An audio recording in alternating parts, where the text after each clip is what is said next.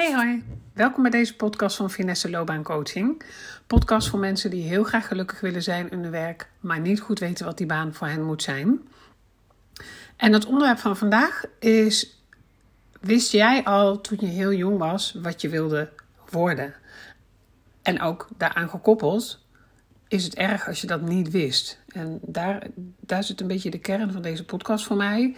Omdat ik heel vaak merk dat mensen denken dat Ehm, als je dat niet wist, dat dat ook iets betekent. En daar wil ik het in deze podcast over hebben.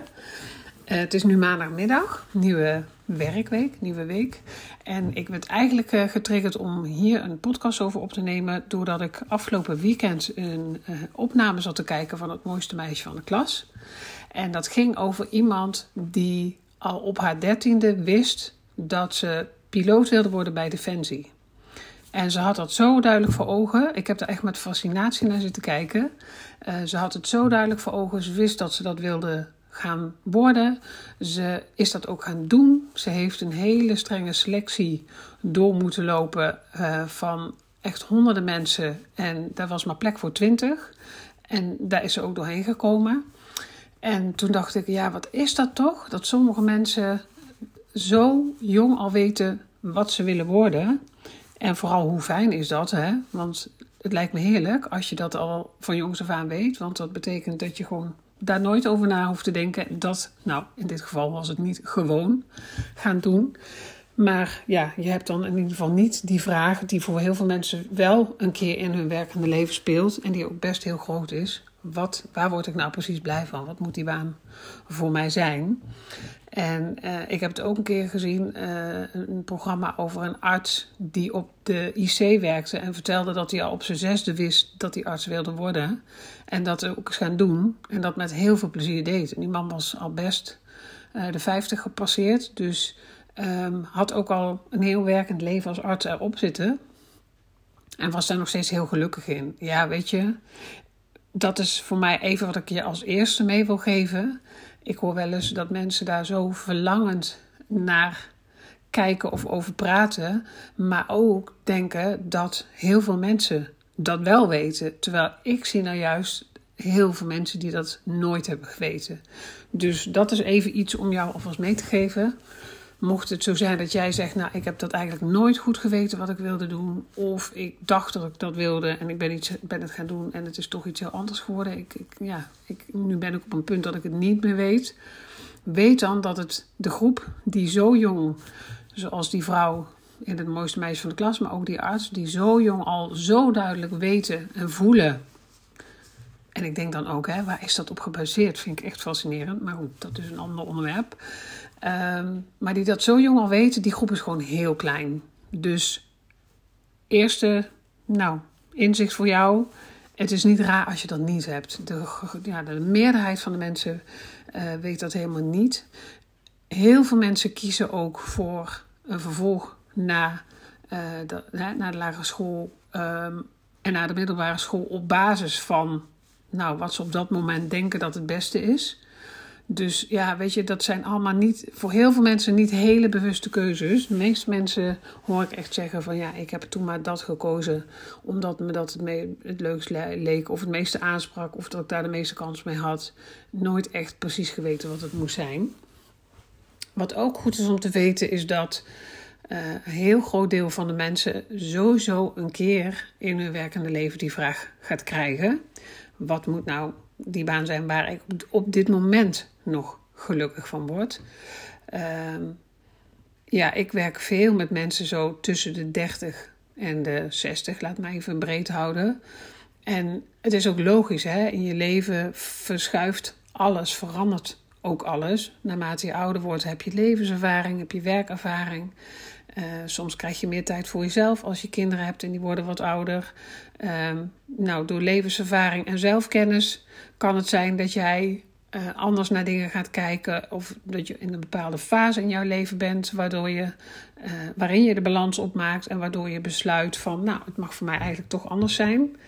Uh, ik las zelfs een keer een artikel dat onze hormoonhuishouding en ja, allerlei stofjes in ons lichaam ook veranderen naarmate we ouder worden. Waardoor ook onze wensen veranderen ten aanzien bijvoorbeeld van onze ambitie.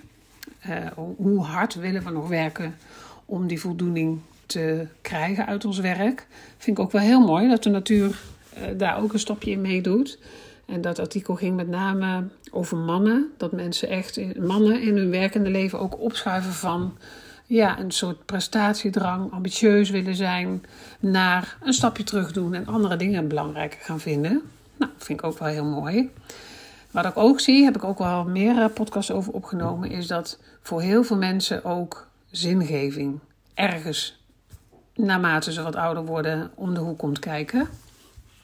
En met ouder worden bedoel ik niet dat je al meteen een bepaalde leeftijd moet hebben, hè, maar uh, dat zie ik ook wel echt. Dat als we heel jong zijn, als je terugdenkt aan je eerste keuze na school, of dat nou werk was of een opleiding, uh, toen stonden we zo anders in ons leven natuurlijk.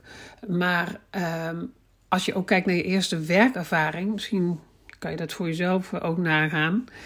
Dan vind je hele andere dingen belangrijk dan wanneer je bijvoorbeeld 20 jaar verder bent en 20 jaar werkervaring verder bent dan heb je vaak ook andere wensen en andere nou, manieren van naar de dingen kijken. Vind je vaak ook andere dingen belangrijk dan toen. Dus ook niet raar vanuit die invalshoek dat het op een gegeven moment gaat veranderen, gaat verschuiven.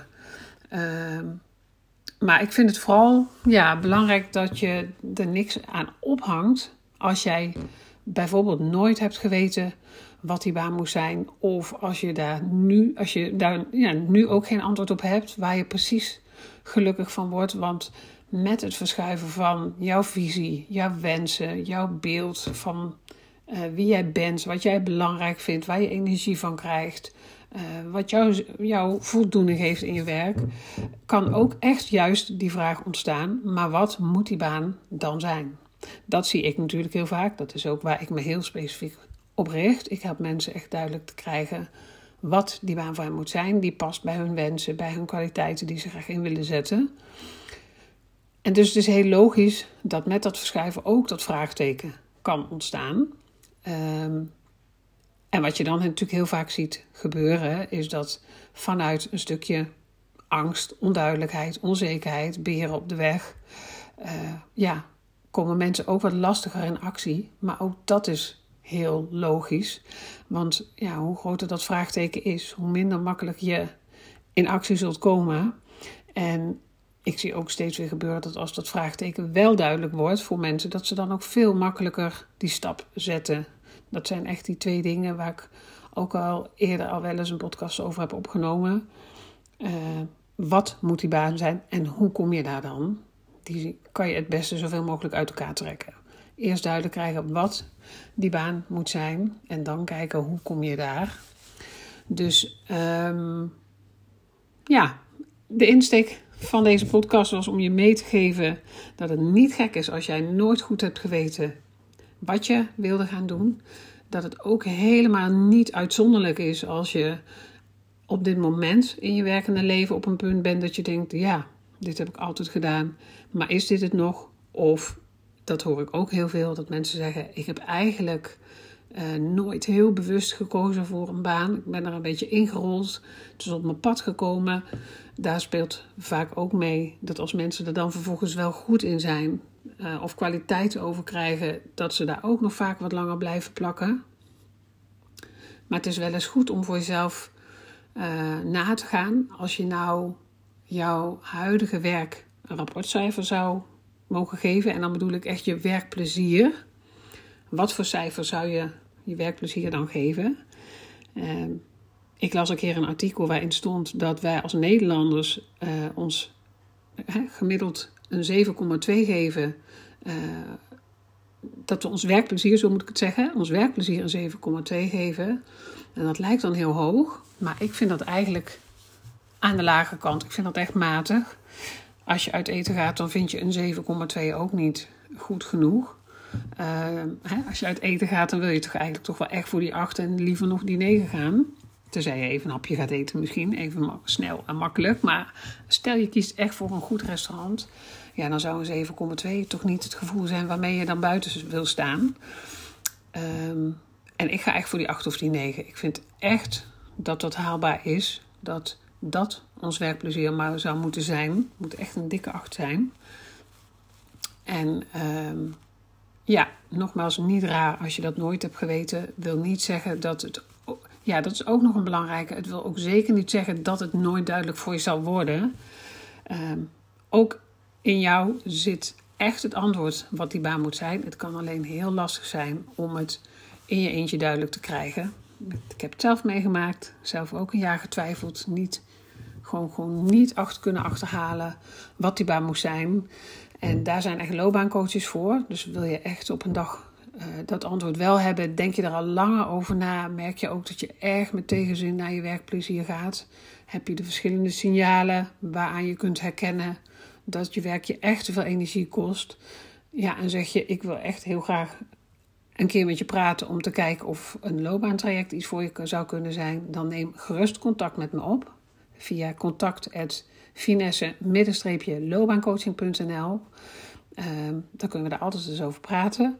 En verder heb ik nog allerlei andere uh, ja, manieren om je van tips te voorzien, van inzichten te voorzien. Ik heb een e-book geschreven. Ik geef regelmatig een masterclass waarin ik tips en inzichten krijg om die vraag duidelijk te krijgen wat die baan voor jou moet zijn. Ik, uh, nou, zoals deze podcast nemen verschillende podcasts over op. Ik heb nog een reeks met allerlei video's die je kan downloaden, waarin ik nog uh, oefeningen geef waar je mee aan de slag kunt. Dus um, verschillende manieren om inzicht en tips te krijgen die jou kunnen helpen om die vraag te beantwoorden. En mocht je ergens vragen over hebben, mag je me altijd mailen. En mocht je het leuk vinden om mij een review te geven op jouw podcastkanaal. Uh, mocht je mijn podcast aanspreken, dan zou ik het heel leuk vinden als je dat zou willen achterlaten. Dat helpt mij ook weer in mijn zichtbaarheid. Nou, dan wens ik je een fijne dag en wie weet tot de volgende podcast.